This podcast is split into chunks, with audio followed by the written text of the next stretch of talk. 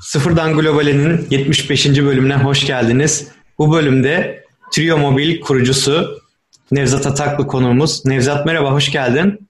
Merhabalar Çağrı, hoş bulduk. Öncelikle tanıştığımıza memnun oldum. Bir kez yüzde tanışıyoruz. Daha öncesinden LinkedIn'den bir bağlantı kurmuşluğumuz vardı. Aynen, ben çok memnun oldum tanıştığıma. Teşekkürler. Biraz seni tanıyabilir miyiz? Nevzat Ataklı kimdir? Şimdiye kadar neler yapmıştır? Tamamdır, memnuniyetle. Ben 2008 yılında mezun oldum üniversiteden. Mekatronik mühendisiyim. İki yıl kadar Ford Otosan'da yazılım mühendisi olarak çalıştım. 2010'dan itibaren de Trio Mobil kurucu ortağı olarak iş hayatıma devam ediyorum. Trio Mobil'den de istersen bahsedeyim biraz. Hı hı. Trio Mobil bu arada benim hani part-time çalıştığım dönemlerden beri bir şekilde part-time dönemde işte o zaman M2M deniyordu. Connected cihazlar vesaire. Part-time iş sırasında rast geldiğim bir konuydu. Ondan sonra da unutamadım yani. Bırakamadım bir daha böyle. Hani bir buzdolabı görsem bu niye connected değil. İşte Ford'a gittim kamyonları gördüm. Ya bunları connected hale getiriyorum falan işte uzaktan böyle e, yönetemiyoruz, arızalarını gideremiyoruz, ne olduğunu anlayamıyoruz durumdan doldum hep. 2010'da da Triomobil'i kurduk ortağım Barış'la beraber. O dönem tabii böyle hani şimdiki gibi çok böyle hani fonlar vesaire e, yaygın bir kültür yoktu. Yani tabii 2000'li yıllar gibi de değildi ama şu anki gibi de değildi. O yüzden hani e, birinci günden hani iş, işimizden ayrıldığımızda sat, şehirde satacak, hafta satacak bir ürünümüz olacak şekilde çıktık e, ve Triomobil telematik üzerine aslında başladı. Yani işte bu uzaktan araç takip, diagnostik, eco driving vesaire gibi taşıtlara yönelik çözümlerle başladı. 2016'dan itibaren de endüstriyel kısmı Endüstri 4.0 çözümlerine yöneldik. İkinci bir branş açtık kendimize. Ve o zamandan bu zamana bu alanda devam ediyoruz. Şu anda da işte 250 bin üzerinde bağlantılı nesneyi yöneten platforma sahibiz. Büyük bir keyifle işimizi yapmaya devam ediyoruz. Anladım. Asıl büyümeyi bu ikinci e, alana açıldıktan sonra mı yaşadınız yoksa hani en baştan beri böyle benzer oranda büyüyen bir işte gelir ve çalışan sayısı gibi bir metrikleriniz vardı? Aslında şöyle söyleyebilirim. Yani genel olarak böyle lineer büyüyen bir şirket olduk. Tabii Türkiye'de şu anda şirketlerin en büyük problemi biliyorsun yani biz büyüyoruz TL küçülüyor. O yüzden bir taraftan evet. yani dövizde endeksli baktığında bazen hakikaten can sıkıcı olabiliyor e, oranlar ama ona rağmen biz fena büyümüyoruz. Tabii işte ilk başladığımızda böyle çok yoğun rekabet olan bir alanda iş yaptık. Çünkü hazır olan bir pazara ihtiyacımız vardı. E, çok da iyi oldu yani işte 81'de kurulum ağları vesaire her şeyi kurduk bunun sayesinde. Orada da mesela yine inovatif yönümüzde pazarı büyüten bir şirket konumundaydık. Endüstriyel IoT'ye girdikten sonra da hakikaten şirketi ikiye katladık yapı olarak. Şu anda yani o, o tarafta çok güzel büyüyoruz. Hani bu Q4'te falan böyle gerçekten normalde hani e, iki Q'luk satışı e, komple şirket satışını yapacak kadar bir e, momentuma sahip olduk. Bundan sonraki süreçte de yani 4-5 yıllık projeksiyonda da endüstriyel IoT tarafında hızlı büyüyeceğimizi projekte ediyoruz. Anladım. Herhalde bu e, son çeyrekte hani böyle iki katına yakın bir beklenti olması biraz da şeyden mi oldu? Üçüncü çeyrekte hani e, pandemiden dolayı böyle bir belirsizlik vardı. Şirketler hani yatırım yapma konusunda biraz daha çekingendi. Öyle bir durum mu oldu acaba? Yani birikmiş talep değil aslında bu yani büyümenin tek nedeni. Çünkü yani gerçekten çok iyi bir ürün gamıyla, bir sürü use case'le işte böyle global onlarca müşteri, Mercedes'ler, Ford'lar, Carrefour'lar vesaire hani gerçekten oluşturduğumuz aslında Türkiye'de olan bir pazar da değildi. Yani biz burada endüstriyel IoT pazarını bir şekilde segment haline, bir ürün segment haline getirdik. Yani çok güzel hazırladık pazarı. Büyük bir pipeline'ımız vardı. Tabii Mart ayından itibaren ciddi anlamda her şey negatif etkilendi. Sonuçta artık hani o ihtiyaçlar hiyerarşisi var ya onun en dibine gittik yani hayatta kalma, güvenlik vesaire gibi. Yani büyümenin temel nedeni bekleyen biriken siparişler, talepler değil. Dediğim gibi yani zaten büyüyecek olan bir şey vardı. Hani bu Q4'te yaptığımız rakam işte 2021 e, Q1'de de rahatlıkla geçebileceğimiz bir rakam diye ifade edebilirim aslında. Anladım süper. Şimdi ben şeyi biraz merak ediyorum. Sizin yani ürünler hem donanım hem yazılım içeriyor galiba. En baştan beri böyle mi gittiniz yoksa hani başlarda sadece yazılıma mı odaklanmıştınız? Çünkü hani ikisini birden yürütmek de çok kolay değil. Yani yani yeni baştan yeni yola çıkan bir şirket için orada nasıl bir yol izlediniz? Ee, şöyle anlatayım yani çok güzel soru bu arada teşekkürler. Biz başladığımızda e, önce bir platform geliştirdik ve bu platforma bağlı işte mobil uygulamalar, e, web yazılımları vesaire yaptık. Donanımları hazır alıyorduk o dönemlerde. Aslında donanım tarafında yani ne Barış'ın ne benim know-how'umuz da yoktu. Yani bir cihazı alsak, board'una falan baksak bizim için şey mainboard, bilgisayar mainboardları vardı ya eskiden toplardık böyle evet. 90'lı yıllardan. Ondan fazla bir şey ifade etmiyordu. E, fakat şunu gördük yani IoT tarafında böyle 1 milyon euroluk bir projede patladık biz hazır aldığımız donanımlarda. Cihazlar böyle belli periyotlarda uyanıp veri göndermesi gerekiyor. Uyuyor bir daha uyanmıyor. E, Allah'a emanet. Onu yap, bunu yap falan filan işin içinden çıkamadık. Yani böyle en son cihazları aldığımız yerin mühendislerini oturttum. Ya dedim arkadaşlar Allah'ını seviyorsanız açın kaynak kodları. Bakalım beraber yani. Biz tabii software engineering tarafından geldiğimiz için böyle işte issue tracking, versiyon e, lama falan bunların dünyanın en standart işleri. E, fakat baktım ki USB ile kod taşıyorlar birbirlerine. İşte biri bir cihazı uyutmak için timer'ı kuruyor, öbürü resetliyor onu. Ya sen onu niye kullanıyorsun falan. Onu görünce dedim ki yani biz burada scalable bir iş yapacaksak e, mutlaka e, geliştirdiğimiz cihazların yönetiminin bizde olması lazım. Bizim yapmamız lazım bu işi. Yani o tarihte böyle kağıt kalem üzerine böyle direnç kapasitör çizerek başladık. Biraz da danışmanlık aldık.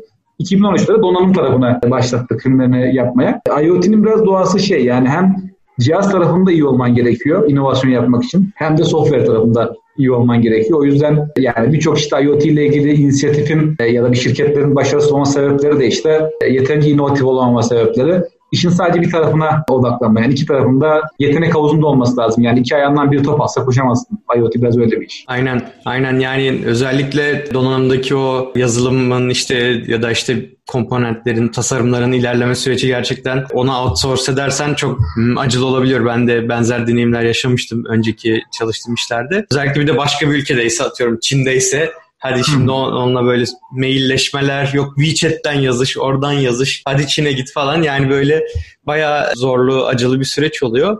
Şu an tüm üretim yani tasarım içeride yapılıyor anladığım kadarıyla. Üretim de mi içeride yoksa üretimi dışarıdan mı yaptırıyorsunuz? Orada nasıl bir yol izlediniz? Üretim de içeride. Bizim üretim bandımız var. Ee, Allah'tan da elektronik cihazlar küçük olduğu için böyle 100 metrekarede yani yıllık 300-400 bin cihaz üretmek hiç zor bir iş değil. O yüzden üretim bandımızı da kurduk. Zaten tamamen robotik bir at yani. Onu da yapmak zorunda kaldık bu arada. Çünkü şey tarafında bu donanımları geliştirirken şöyle bir handikap yaşıyorsun.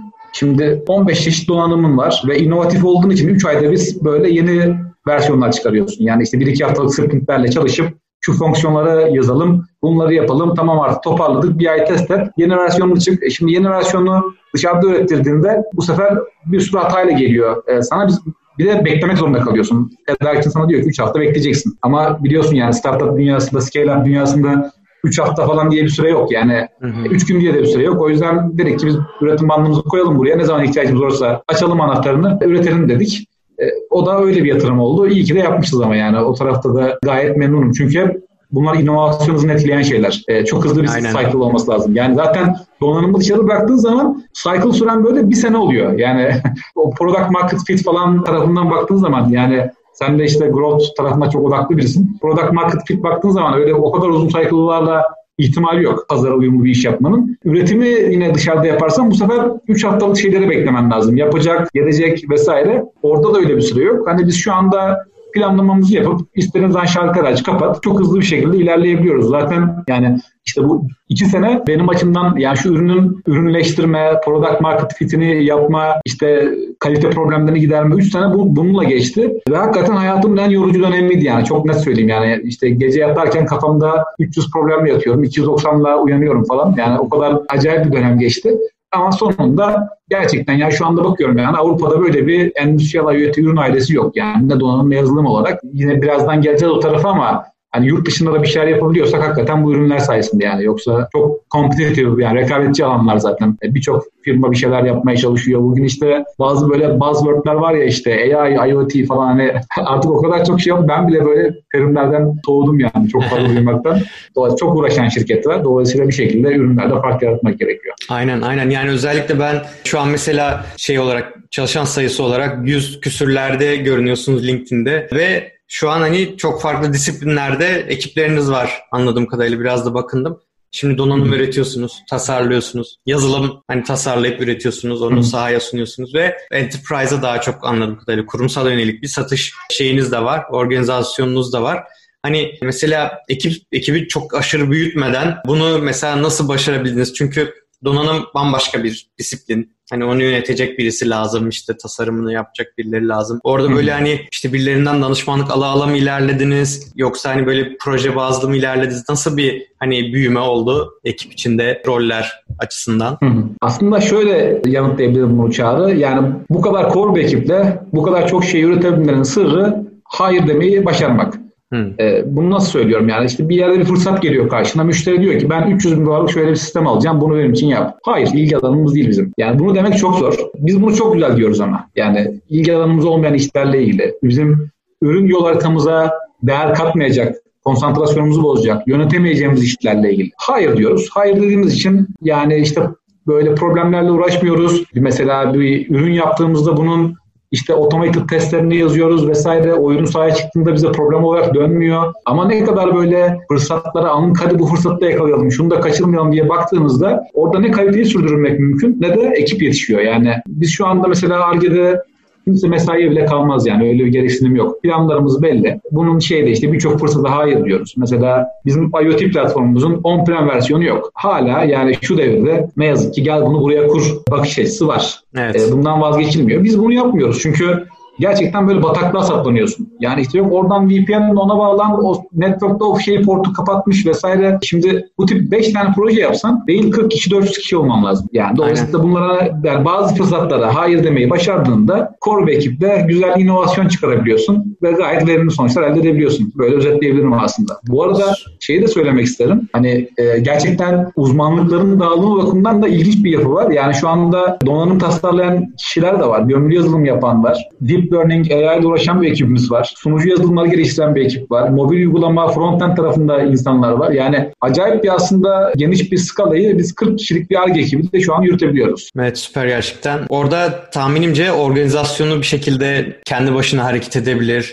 Yani çok böyle işte fazla hiyerarşi olmadan yatay bir şekilde kurmuşsunuzdur diye tahmin ediyorum. Çünkü hakikaten 40 kişiyle bu kadar fazla ARGE fazla farklı alanda ARGE yapabiliyor olmak için hakikaten biraz daha belki de hani önlerine hedefleri koyup kendi başına bırakmak gerekiyor. Orada da bir güven ilişkisini kurmak gerekiyor diye tahmin ediyorum. Kesinlikle yani hatta yani yatay tam yatay yani 40 kişi var. Hani ben de vaktimin herhalde bir %50'sini 60'ını belki bazen 70'ini argede geçiriyorum. Ee, geri kalan işte zamanında marketingle geçiyor. Böyle iki tane uçta yaşıyorum yani. Ben de orada bir basamaklıydım yani. Tamamen yatay. Ben de Arge'deki insanlardan bir tanesiyim onlarla beraber çalışırken. Dediğim gibi yani öyle hiyerarşiler vesaireden yana ziyade bizim uğraştığımız şeyler e, yaptığımız inovasyonu sistematik bir şekilde belli bir kalitede olmasını sağlayacak süreçleri ve aslında kontrol şeyleri yazılımını tasarlamak. Yani bir taraftan inovasyon yapıyoruz, diğer taraftan da otomatik bir şekilde bunların belli bir kalitede olmasını sağlayan tool'lar yapıyoruz. Böyle bir dünyamız var. Avantajımız şu, yani şu anda mesela işte benim ilk IoT projem, M10 projem çalıştığım böyle uzaktan motorların arızası olduğunda SMS atan falan bir sistem vardı. Ta 2000, 2006 yılında falan part-time çalıştım orada. Yani üzerinden 15 sene geçti. Yani o kadar çok bu konuyla ilgili case yaşadık ve deneyimlendik ki. Yani şu anda mesela işte global bir otomasyon firması gidiyor bir firmayı satın alıyor. IoT ile ilgili bir alana giriyor. Yani bizim yüzde birimiz kadar biliyorlar bu alana. Bizim en büyük avantajımız o yani. Hakikaten bu geçen 15 sene çok öğretici oldu. O yüzden tüm süreçlerimizi buna göre yani normalde mesela şu 40 kişiye çıkardığımız verimi X bir firma yani belki 10 kat bir ekiple ancak çıkarabilir. Aynen startupların da avantajı bu oluyor bence. Yani belli bir alana odaklanmış durumdasınız. Hani öyle danışmanlık firması gibi de farklı farklı alanlara yayılıp odağınızı kaybetmeden hani her ekip kendi alanında know-how'ını, bilgisini geliştirip hani daha hızlı kararlar verip daha hızlı bir şekilde yeni ürünler ortaya çıkarabiliyor. Zaten bu da bir rekabet avantajı sağlıyor. Ben şeyi bir de merak ediyorum hani nasıl bir dönüşümü oluyor bu ürünlerinizi kullanan şirketler için? Yani ne tarz işte verimlilik artışı mesela bir yüzde verebiliyor musunuz veya işte kalite ürettikleri ürünlerdeki kalite artışı işte ne bileyim iş sağlığı güvenliğindeki vakaların azalması gibi hani böyle verebileceğiniz metrikler var mı? Aslında yani cevap vermenin biraz zor olduğu bir soru. Tabii ki e, bunlar olduğu için zaten ürünler yayılabiliyor. Çünkü yani müşterinin dertlerini çözmüyorsan zaten, başarısını gidermiyorsan pazarda bir yerin yok zaten. Çok net orası. Hı hı. Şimdi bu soruyu cevaplamak şu açıdan zor. Şimdi bizim IoT platformumuz içerisinde 10 tane çözümü barındırıyor. Bu arada ben de bunu şöyle anlatıyorum. Her dikeyde bir çözüm, ayrı bir çözüm satın almak aslında WhatsApp için başka telefon, Instagram için başka telefon, Gmail için başka telefon almak gibi bir şey. Biz onun yerine bir platform veriyoruz. Üzerinde 10 tane application var. Ve bunları sen istediğin zaman kullanmaya başlayıp e, ödüyorsun. E, öyle bir yapısı var e, sistemin. İşte soğuk zincir yönettiğin modüller var, enerji yönettiğin modüller var, iç mekanda forkliftleri personel izlediğin modüller var. Forkliftlerin güvenliği için çalışan işte bir insan gördü otomatik yavaşlasın modüller var, ziyaretçi analizi yapan var. Yani 10 tane şeyden oluşuyor. Ve her modül kendi içinde aslında değerini ispat etmiş şeyler. Mesela şeyden bahsedeyim, RTLS çözümümüzden bahsedeyim. Şu anda işte çok büyük otomotiv fabrikalarında bizim çözümümüz çalışıyor. Üretilen araçların hiç gerçek zamanlı izlenmesi, bir şeyler KPI'nin dışına çıktığında anında bildirim elde edilmesi ortalama projelerin yatırım geri dönüş süresi yani orada 4-5 şeye kadar iniyor. O kadar büyük problemlerini çözüyoruz ki aslında onları. Çünkü ya fabrikalar çok acayip yerler. Ben de iki sene deneyimledim onu. Binlerce insan çalışıyor. İşte bir alıp bir kamyonu bir, bir yere bıraksa kimse onun niye orada olduğunu sormaz. Yani herhalde bir nedeni vardır. Der kalır. Dolayısıyla oradaki fiziksel operasyonları sen dijitalleştirdiğinde ve kuralların tanımladığında iş çözüyorsun aslında. Bizim de yaptığımız şey bu. Fiziksel olan ne varsa bunu cloud'a bağlıyoruz. Kurallarını belirliyorsun. Kuralın dışına çıktığında da e, otomatik olarak aksiyonlar gerçekleşiyor. Dolayısıyla artık bu bilgi eksikliğinden kaynaklanan. Çünkü yani bin tane insan var ama ortak paylaşılan bilgi çok az. Herkesin kafasında bilginin bir parçası var. Onun yerine her şey cloud'a bağlı. Cloud'da bu işin logiği var bir şeyler ters gidince otomatik olarak bilgi gidiyor bununla ilgili. Yani dolayısıyla e, otomotivde bu tip uygulamalarda hakikaten 4 aylara kadar inebiliyor. Mesela enerji tarafında yakın zamanda bir belediyeye bir e, rapor çıkardık 6 ayın sonunda. Yani sistem kendini 5-6 ayda amorti etmiş zaten ve öyle acayip e, faydalar var ki mesela belediye dedi ki biz bunu duyurmak istiyoruz. Yani böyle böyle bir çalışma yaptık. Şu şu tasarrufları elde ettik. Hem düşük karbon ayak izi anlamında hem bakın tasarruf ediyoruz anlamında. Çünkü Orada da yani işte biri gidiyor ne bileyim bir işte belediyenin parkının ışığını açık bırakıyor. Öbür tarafta reaktif cezaya giriyor. Yani yönetmek çok zor. Yüzlerce evet. farklı eset olduğunu düşün yönetmeleri gereken. Yani ne kadar süreçte tasarlasan vesaire onlar yürümüyor. Zaten şu anda yani günümüzde bu endüstri 3.0'la işte vesaireyle beraber bir sürü ERP sistemleri vesaire tanımlandı. Soft süreçler oldu. Onların belki bizim üretkenliğimizi 2-3 kat arttırdı. Yeni bu Endüstri 4.0 devrimi yine 3-4 kat potansiyele sahip. O da fiziksel nesneleri aslında connect hale getirerek olabilen bir konu. Evet, evet yani 4-5 ay gerçekten e, çok iyi süreler. Şeyi ben tam duyamadım da bu otomotiv için, fabrikalar için yaptığınız çözümün adı neydi? Onu tekrar alabilir Bu aslında bizim RTLS Indoor Tracking çözümümüz. Yani RTLS. mekanda forklift olabilir, üretilen makine olabilir, insan olabilir. Her şeyin locate edebilen bir e, sistem ondan sonra. Hatta insanlarda sosyal mesafeye kadar takibini yapabiliyor. Bir forklift mesela bir insana tehlikeli bir şekilde yaklaşırsa onun otomatik yavaşlamasını sağlıyor. Mesela bu sistemi kurduğumuz yerlerde bu tip hani kazalar ve kazaya ramak karalar ortadan kayboluyor. Çünkü operatör inisiyatifinden çıkarıyorsun bir şeyleri ve risk raporları çekebiliyorsun. Hangi bölgelerin daha riskli benim ve hangi taraftaki operasyonumda iyileştirme yapmam lazım iş güvenliği açısından. Dolayısıyla bir data verebildiği için karar vericinin önüne çok daha kolay bir şekilde işi yönetebiliyor. Aksi halde tamamen işte operatör inisiyatifi. Eğitim verdik ama işte fabrikanın içerisinde 30 km saatte forklift kullanıyor. Yani eğitimle falan halledileceğin konular değil. Yani bunların otomatik çözülmesi lazım. O yüzden iş güvenliği, iş sağlığı ve güvenliği tarafında özellikle çözümler üretiyor olmak benim için böyle harika bir gurur verici bir şey. Çünkü o iş kazalarının sonunda işte insanlar hayat boyu sakat kalabiliyor, birileri yakınlarını kaybedebiliyor. Gerçekten kesinlikle teknolojiyle çözülmesi gereken bir alan. Böyle bir misyon gibi görüyorum bunları. Bir diğer misyon gibi gördüğüm şey de daha az tüketerek daha fazla üretebilmek. Yani bir fabrika daha kurmadan o fabrikanın verimini %30 arttırabiliyorsak bu da kişisel olarak da benim için çok önemli. Çünkü de benim de 4,5 yaşında bir kızım var. Onlara gerçekten yaşay çok teşekkürler. Yaşayabilecekleri bir gezegen bırakma gibi sorumluluğumuz olduğunu düşünüyorum. Gezegenin problemleri de ortada. Yani neresinden tutabiliyorsak bir şekilde oralarda çözümler geliştirmemiz, iyileştirmemiz lazım bunları. Yani bunu böyle yaptığım iş denk geldiği için söylemiyorum. Sonuçta e, gidip biz de hani siyanürle altın çıkarmıyoruz sonuçta. Yani tercihlerimiz de bunlara göre. Çok daha karlı işler de olabilir vesaire ama biz alanımızı verimlilik ve iş güvenliği olarak belirledik. Süper, süper çok güzel. E, hatta sanırım web sitenizde gördüm Covid ile beraber hani bu temas temas uyarısı sisteminizi Covid için de uyarladınız sanırım. Hani iki insan birbirine çok Doğru. yaklaşınca uyarı veren bir sistem de e, yapmışsınız. O da güzel yani e, özellikle e, fabrikada fiziksel olarak bulunması gereken insanlar oluyor. Hani mesela bir yazılım şirketiyseniz evden çalışabiliyorsunuz ama fabrika gibi ortamda hani operatörler durması gerekiyor. O yüzden mümkün mertebe mesafeyi korumak da önemli aslında. Bu da hani e, pandeminin de yayılmasını bir nebze de olsa düşürebilir diye düşünüyorum ben de. Ya filyasyon tarafında da çok önemli. Mesela bir kişi hastalandı diyelim ki e, geçmiş iki haftada ağaç çıkarıyoruz yani. Buna temas etmiş sonra buna temas etmiş vesaire. Onu iş yeri hekimleri inceleyip mesela hemen kimleri izole etmeleri gerektiğini anlayabiliyor e, vesaire. Yani iki tane büyük temel fayda var. Bir, mesafeni koruman gerektiğini biliyorsun. Yani bende bir tek var, sende bir tek var. Biz yaklaşınca mesafeye titreyerek uyarıyor beni. Ben de gidiyorum diyorum ki bak uyardı beni geri çekileyim biraz daha. İkincisi diyelim ki hastalandı birisi onun tüm temaslarını döküyor dijital olarak. Yani bu bunun zaten dijital olmadan kaydını çıkarmak mümkün değil. Yani ben mesela diyelim seni tanımıyorum. Yemekhanede e, yakın temastaydım seninle. Yan masamda oturuyordum. Kim sorsalar kimle yakındın diye söyleyemem bile sana. Ama bu tek söylüyor işte. Bak bunlarla yakındım ben. O da şuna temaslıydı gibi. E, o da bizim bu arada e, şeyden Mart ayında başladığımız Mart'ın böyle 15'i gibi başlayıp Nisan sonuna doğru piyasaya sürdüğümüz bir ürün oldu. Tam böyle hani bütün işler kesildi hadi biz de pandemi yönelik bir şey yapalım o zaman diye başladık. Sahaya en hızlı biz çıkardık. Yani müşterilerle de en hızlı biz buluşturduk. Çözümü yine o bahsetmiş olduğumuz işte agile çalışan ekip ve yönetim stratejisi sayesinde yani yoksa bu kadar kritik bir ürünü o kadar hızlı sürede başarılı şekilde çıkarmak hakikaten çok ciddi bir zorluk yani. Çok ciddi bir challenge var içerisinde. Aynen yani bir buçuk ayda çıkarmak gerçekten büyük başarı. Tebrikler. Ve hani analitini de sunuyorsunuz. İşte karar destek mekanizması da sunuyorsunuz.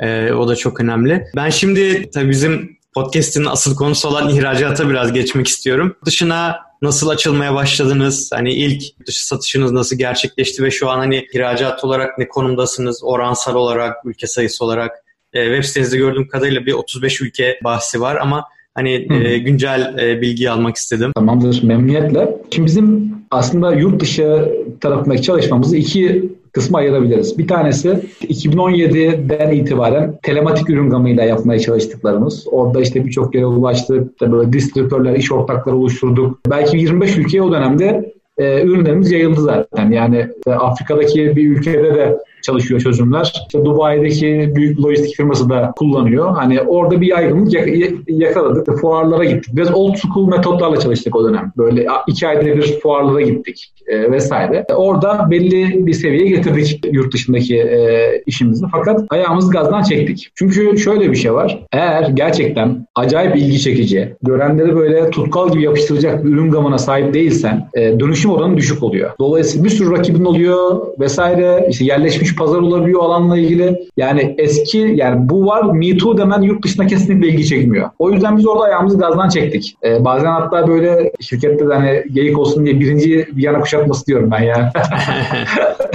o orduyu toplayıp geri geldik. Tabii ki çalışmalarımız devam etti, faturalar kesmeye devam ettik vesaire ama böyle full force e, odaklanma işinden geri çekildik. Aslında çok da öğretici bir süreç oldu. Yani mesela ürün dokümantasyonu tarafında eksiksen yurt dışı bunu affetmiyor. Kesinlikle affetmiyor. Yani Türkiye'de biraz hani ucuz etin yahnisi vesaire çok fiyat odaklı bir pazar baktığın zaman. Yani yurt dışı öyle değil yani. Adamlar hakikaten fiyata son noktada geliyor. Gerçekten işini görecek teknik çözümleri anladıktan sonra Şimdi bir fiyat konuşalım. Türkiye öyle değil yani. Toplantıda ilk bir sunumdayken kaç para kaç para diye ya sonra tabii çünkü çok daha zor yatırım yapılan bir ülke bu arada. Hani şey için söylemiyorum. Sonuçta müşteri profilimiz böyle ama bir taraftan yatırım da zor yapıldığı bölge. Bir de yıllarca böyle hani crackli software'e falan alışmışız yani film izlerken para vermiş insanlar ne işte bir software kullanırken her şey bedava.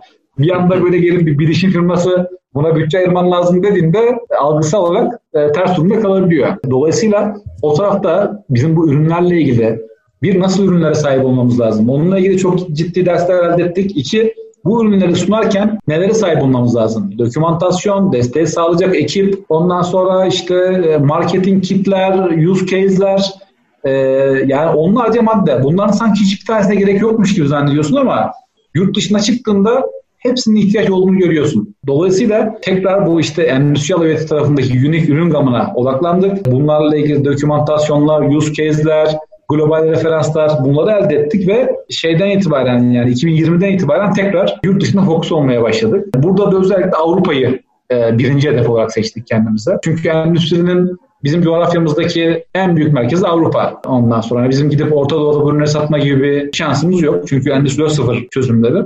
Aynı zamanda bu işin Şampiyonlar Ligi'nde olmak istiyoruz. Yani en şey genelde şey vardır ya böyle Türk firmaları bir Orta Doğu'ya gider. Hani biraz daha orada belki o kadar da kafaya oynamana gerek yok yani ürün olarak. Belli bir e, vasat seviyedeki ürünlerde e, bir şekilde pazar bulabiliyor kendine. Biz e, doğrudan bu işin merkezine karar verdik. Ve yani bu da bir tesadüf herhalde yani. Daha dün 10 ülkede büyük bir distribütörlükle ilgili anlaşmamızı imzaladık. Bunu da önümüzdeki hafta lansmanını yapacağız. Böyle e, 500 kişilik büyük bir sistem entegratörü ve çok ciddi bir ekipler. Kısmet önümüzdeki dönem kanal yapımızı kurup belki bizim Avrupa'daki satışlarımızı ona katlayacak bir operasyonu start vereceğiz. Sürekli partner görüşmeleri yapıyoruz. Çünkü bizim işimiz biraz kanal odaklı bir iş.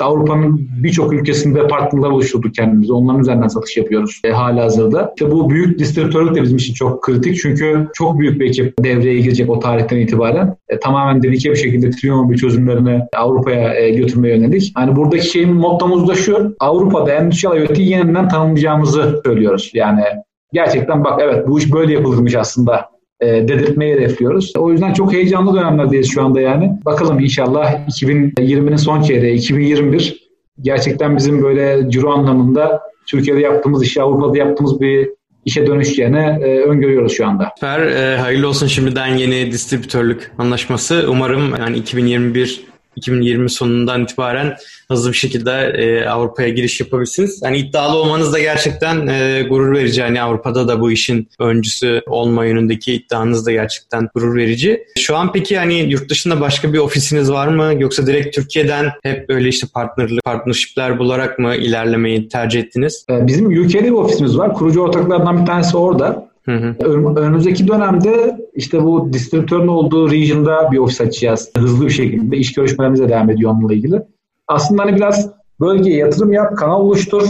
ilgi olan bölgelerde de ofisler aç ve büyük gibi bir stratejimiz var. Hı hı. E, dolayısıyla bu strateji çerçevesinde 2020'de e, büyük ihtimalle 7-8 ülkede e, ofis açar duruma geliriz diye düşünüyorum. Süper. Avrupa'nın hangi kısmı öncelikli şu an sizin için? E, yani şu anda böyle Orta Avrupa tarafı yani biraz Almanya bu işlerin merkezi. E, Almanya'ya bayağı bir odaklanacağız. Çünkü Avrupa'nın aslında üretim üstü olan bir yer. Bizim de birçok Türkiye'de de global partnerlarımız var. İşte forklift üreticileri, emniyet otomasyon üreticileri, Alman firmalarla Türkiye'de çok güzel işbirliklerimiz var. E, işte yine o Orta Avrupa bölgesindeki e, ülkeler. Yani böyle bir 10-12 ülkeyi ana şey seçtik kendimize, üst seçtik. Ama bir taraftan işte İtalya, İspanya bölgesinde de partnerlerimiz var. O tarafta bir odak. Yani biraz Fransa'yı dışarıda bıraktık hmm. e, ilk etapta.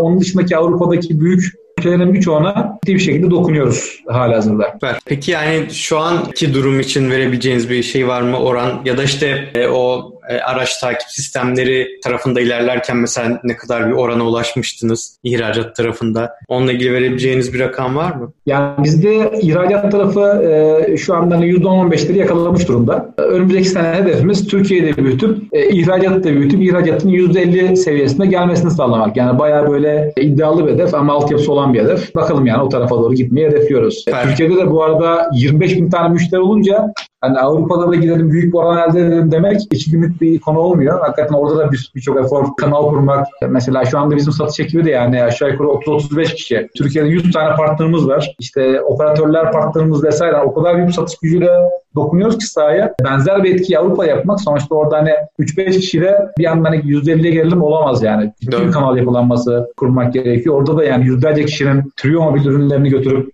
müşteriye anlattığı dünyayı oluşturmamız gerekiyor. O yüzden oransal anlamda 2021 sonunda falan istediğimiz yerlere geleceğimizi öngörüyoruz. E, müşteri sayısı 25 bin hani bu her bir işletme mi 25 bin işletme mi var yoksa hani nasıl sayıyorsunuz? Çünkü 25 bin işletme ise hakikaten çok büyük bir rakam yani. Evet, evet 25 bin işletme. Yani teker teker sayıyoruz. Süper. SME tarafı da var ama işte Türkiye'deki global yani Top 500 firmanın da herhalde 200 tanesiyle çalışıyoruzdur. Anladım, anladım süper. Yani daha böyle kobi tarzı çok büyük olmayan üretim tesislerini de hedefliyorsunuz o zaman. E, yani tabii yani SME tarafımız da var hı hı. ama işte Corp tarafımız da var. Zaten Türkiye'de sonuçta Corp dediğimiz büyük firma sayısı hani 1000-2000 yani daha fazla değil. E, Aynen. Ama işte SME'ler yüz binlerce. E, dolayısıyla hani SME'lerle birlikte düşündüğünüzde biz gerçekten yani 25 bin müşteriye dokunuyoruz. 250 bin tane de bağlantılı cihazı yönetiyoruz ve üzerine eklenerek büyüyor. İşte şu an 250 bin diyorum. Sene sonunda diyeceğim ki işte 300 bine ulaştık vesaire. Yani ekle ekleye e, giden bir yapı var. O yüzden yani biraz aslında operatör gibiyiz bir taraftan da. Yani işte bu cihazların uçtan uca üretmekten müşterinin mutluluğuna kadar her aşamasında varız şeyin sürecin. Evet, evet. Hakikaten öyle. Yani çünkü bu Endüstri 4.0 mesela hani çok dediğin gibi hype olan bir e, kavram oldu ama aslında bayağı bir hani kapsamlı bir şekilde sürekli işin üzerinde olmak olmak gerekiyor. Yani ben yazılımı sattım, donanım sattım, bitti gibi bir şey yok. Sürekli onu takip etmek, yeni raporlamalar çıkarmak, ihtiyaçları yeni çözümler geliştirmek. Ee, ya o da en güzel şeyi yapan aslında bir e, o hype'ı satan global markalar var. Onlar hype satıyor. Diyor ki bu platformu alırsan bu platformun üzerinde şunlar şunlar gelir. Bunlarla sen dijitalleşirsin. Onlar aslında hype'ı satıyor ve çok ciddi paralar kazanıyorlar. Ama markan o kadar büyük değilse ağrı kesiciyi satman lazım. E, biz o ağrı kesiciyi satan şirketler arasındayız. Yani çünkü tepeden işte stratejiler geliyor. İşte sen işte şu platformu şunu satın alırsan dijitalleşmede şunu yaşayacaksın vesaire diye. Her zaman için karar vericiler sonuçta teknik olarak yani bu gerçekten bir işe yarayacak mı yaramayacak mı bunun kararını da veremiyor. Bazı şeyler moda şeklinde. Hani bizim gibi K-Lab'ların hype satma ihtimali yok. Çözüm satma e, problemlere çözüm satma ihtimalimiz var. O yüzden hani hype'lardan ziyade ele yani ayağa yere basan müşterinin gerçekten evet ya şu dertten beni kurtardınız diyeceği şeyleri satıyoruz. Anladım. Evet yani şöyle düşündüm biraz da hype satan şirket sonrasında da danışmanlarını yollayıp onun için fatura keser muhtemelen. hani çok düzgün yani müşteri fayda göremeyince faydayı göstermek için bir de ekstra fatura keser muhtemelen gibi düşündüm yani öyle oluyordu. Ya biz, inan bak şöyle bir şey yaşadık Çağrı. Yani işte dünyanın en büyük teknoloji şirketlerini düşün. Yani 8-10 tanesi yani vizyon anlatıyor anlatıyor müşterilere dönüp bize diyor ki burada proje yapabilir miyiz? Aynı müşteriye bizi 4 tane böyle global teknoloji şirketi götürdü. Yani en nihayetinde elle tutulur bir çözüm götürme noktasında yine dönüp dolaşıp işi gerçekten yapan startuplara, scale-up'lara, teknoloji şirketlerine dönmek durumunda kalıyorlar. Ama bak marketinge baktığın zaman işte bir ne bileyim bir Gartner chart'a bakıyorum bazen. Ya bu şirketin ne iş var orada diyorum. Çünkü çözüm yok yani aslında bakarsan. Yani sadece o imajı ortaya koyuyor ondan sonra ama işte ne yazık ki böyle bir dünya var. İşte bir yerden sonra markan çok büyüdüğünde sen de artık hype satmaya, e, vesaire başlayabiliyorsun. Tabii ki ben onu çok böyle mühendis kafalı bir insan olduğum için kabul etmiyorum yani. Biz hiçbir zaman öyle bir noktaya gitmeyelim de her zaman için parasının karşılığını alabilsin müşteriler yani. Çok teşekkürler Nevzat. Çok güzel bir sohbet oldu bence. Özellikle hani hem donanım yazılım ikisini birlikte yürütmenin zorluklarını da yaşamışsınız ve sonra hani bir avantaj sağlayacağınız bir yol çizmişsiniz. Kapatmaya yaklaşırken bir de şeyi sormak istiyorum. İhracat desteklerinden faydalandınız mı şimdiye kadar hani geldiğiniz yolda ve özellikle hani IoT ya da donanıma yönelik farklı destekler oluyor mu hani bu alanda girişim yapmak isteyenlere yönelik tavsiyelerin olur mu? Özellikle hani devletin vergi avantajları olabiliyor ya da işte dışarıya yönelik yaptığı harcamaların bir kısmını karşılıyor gibi birçok destek olabiliyor. Ya biz şeyi çok yoğun kullanıyoruz. Dijital kanallarda yani kullanmaya başladık diyeyim yani. Bu Mayıs ayından Nisan ayına itibaren falan e, çok yoğun kullanmaya başladık ve ciddi bir giderimiz var o tarafta. Dijital platformlarda e, işte content şeyleri vesaire gibi konularla ilgili. Formlarımızı doldurduk destekle ilgili ama şu anda da hani başvurup bekleme sürecindeyiz. Biraz vakit alıyor biliyorsun destek şeyler. Hani güzel destekler var. Yani biraz süreleri uzun tabii. Hani e, bugün başvurdun 6 ay sonra işte öde ödemeyle ilgili sürece girdim vesaire gibi süreç var. Hani önden desteği alayım da gideyim bir şey yapayım diyemiyorsun. Finanse edebilmen lazım. Ama yani destekler de ilgi çekici. Özellikle bu Ticaret Bakanlığı'nın falan sunduğu destekler bence gayet yerli yerinde. Böyle çok bürokrasi olmayan, bu işi yapmak isteyenlere mutlaka bakması gereken destekler diye düşünüyorum. Anladım süper. Çok teşekkürler. Benim soracağım başka bir soru kalmadı. Senin eklemek istediğin konu var mıdır? Hani bir duyurun da olabilir. Atıyorum e, çalışan ekip arkadaşı ararsınız ya da başka bir şey olabilir. Genelde bizi ihracatla ilgilenen insanlar, girişimcilikle ilgilenen insanlar takip ediyor. Vallahi yani eklemek istediğim çok fazla bir şey yok aslında. Çok teşekkürler. Bayağı keyifli bir sohbet oldu. Yani böyle bir kanalın olması da çok güzel. Ben burada gerçekten know-how paylaşmanın çok önemli olduğunu düşünüyorum. Çünkü herkes ayrı ayrı birçok şeyi keşfediyor. Bu aslında birbirimizle paylaşabileceğimiz platformların olması, konuşulması çok güzel. Çok daha ileri götürmemiz lazım bu noktayı. Yani ben şu yöntemle şuraya geldim diyen birisinin hakikaten bu know-how'unu paylaşması lazım. Mesela bizim açımızdan söyleyecek olursak ben böyle son bir senedir ekiple beraber yani dijital pazarlamada neler yapabildiğimizi keşfettikçe gerçekten çok oluyorum yani. Bu işte aslında bugünün imkanlarıyla satış ve pazarlama makineleri kurabiliyorsun yani. Full otomatik hale getirebiliyorsun her şeyi. Dolayısıyla bu konularla ilgili çalışmak isteyenlerin bu alanda mutlaka kendini geliştirmesi gerektiğini düşünüyorum. Global startuplar, büyüyen şirketler yani bizim gibi şirketlerin General Electric'ten öğrenebileceğiniz çok fazla bir şey yok. Yani gidip oralara danışmanlık veren insanlar falan değil. Bizim gibi şirketlerin aslında e, Kuzey Yıldızı Silikon Vadisi. Burada büyüyen şirketler nasıl büyümüş? Hangi acayip teknikleri kullanmışlar? Yani bu son işte e, hakikaten bir iki yıllık süreç bizde çok öğretici oldu. E, benim buradan arkadaşlara tavsiyem mutlaka bu best practice'leri işte Salesforce nasıl büyüdü, HubSpot nasıl büyüdü, bunu nasıl başardılar? Buralarda mutlaka incelemeleri gerektiğini düşünüyorum. Onun dışında e, belli konularla ilgili soru sormak isteyenlere kapım her zaman açık. Bilginin de paylaştıkça çoğaldığını düşünüyorum. Sizlere çabalarınızdan dolayı teşekkür ediyorum. Çok teşekkürler Nevzat. Hani soruları olanlar olursa nereden ulaşabilirler sana? Nereden ulaşmalarını tercih edersin? Valla LinkedIn'de gerçek zamanlı cevap verebiliyorum. Çok aktifim. LinkedIn üzerinden her zaman sorularını aktarabilir arkadaşlar. Fikir isteyebilirler. Ya biz böyle bir şey yapacağız ama mantıklı bir şey yapıyor muyuz? Çünkü girişimcinin böyle en çok o kaybolduğum, uzay boşluğunda olduğum dönem ya ben ne yapmalıyım? Ya şöyle bir fikir geldi ama bu en iyi fikir midir? Doğru bir yolda mıyım? tarafı. Orada böyle belki 300 tane şey geliyor içinden ama bir iki tanesi aslında somut seni başarıya götürebilecek noktalar. E, o tip konularla ilgili, network konularıyla ilgili Türkiye'de bir şey emek veren insanlara her zaman destek vermek isterim. Çok teşekkürler Nezat konuk olduğun için. Tekrardan Size başarılar diliyorum yurt dışına da açılmanıza. Umarım başarılı bir açılma olur ve sonrasında belki tekrardan sizi konuk alıp bu hani başarı hikayesini bir yani yurt dışındaki başarı hikayesini ayrıyeten konuşuruz. Tamamdır Şahar. Çok teşekkürler. Hoşçakal. Çok teşekkürler. Bölümü dinlediğiniz için teşekkürler. Bölümde geçen linkleri detaylar kısmında sizlerle paylaşıyoruz. Hala bizi takip etmiyorsanız şu an dinlediğiniz platform üzerinden takip et butonuna basarak son bölümlerimizden ilk siz haberdar olabilirsiniz. Bununla birlikte YouTube'da her hafta canlı yayınlarımız oluyor. Canlı yayınlara katılarak sorularınızı konuklarımıza aktarabilirsiniz. YouTube'da sıfırdan globale yazdığınızda kanalımızı takip ederek canlı yayınlardan da ilk haberdar olabilirsiniz. Bunun dışında bize çok güzel yorumlar geliyor Twitter'dan, iTunes'dan ve e-mail üzerinden. Siz de bu yorumlarınızı paylaşabilirsiniz. E-mail adresimiz selam@sifirdanglobale.com. Buradan bize ulaşabilirsiniz. Ekstradan sizin tabii önerileriniz ve yorumlarınız olursa her zaman dinlemeye açığız. Kendinize çok iyi bakın. Sevgiler.